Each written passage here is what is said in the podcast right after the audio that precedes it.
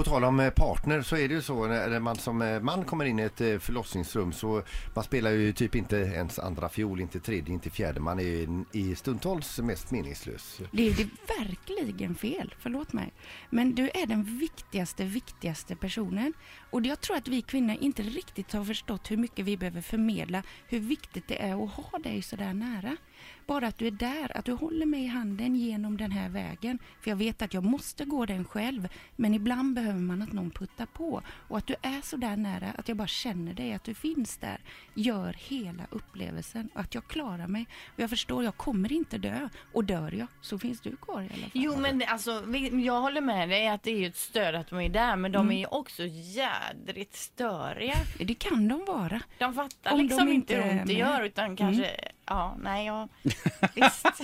Men ibland så kanske det inte är rätt plats. För känner man som man att jag, jag är inte det bästa stödet för min fru, då får man gärna ha med sig någon annan. Eller det kan Någon ju annans vara man. partner. Någon annans man. Och man har partner, det är ju inte alla som har män. Ibland är det två mammor, ibland är det Mm. mammo, två mammor och två pappor. Och... Du, du, har, du, har du märkt någon gång, eh, har det varit inne någon, sån där man som eh, hela tiden har haft svårt med att eh, kvinnan får all uppmärksamhet så han har Ja, försökt ja, att ja, sköra till det och eh, hitta på Oj, oj, massa oj. grejer och prata Jag hela har tiden. jätteroliga historier. Ja, och får man berätta? Ja, jag tror det, för jag tror att det är så pass länge sedan. Det var faktiskt här i Göteborg. Förlåt mig pappa nu. Det var en pappa som hade varit med om sin första förlossning och var lite längre och han var så oerhört rutinerad och han kunde allting. Han var med och hjälpte till överallt. Fantastiskt bra, händerna överallt och han var ju hypernervös. Och så var det andra barnet där, då går det ju lite fortare och helt plötsligt så var ju barnet där, låg på magen och jag vände bort eh, blicken för en stund och, och ber att få lite, ni vet pianger sådär till navelsträngen. Och så har jag av en händelse gett honom saxen, det gör jag till alla. Ja. Nu ska du få klippa. Och han bara klipper till och klipper av navelsträngen precis vid roten. Och jag tar och håller, jaha det var ju tur att du inte klippte av snoppen i alla fall säger jag då, nu när du var så på hugget. Och då höll han på att svimma så han bara sätter sig rakt ner. Oj oj oj oj oj oj.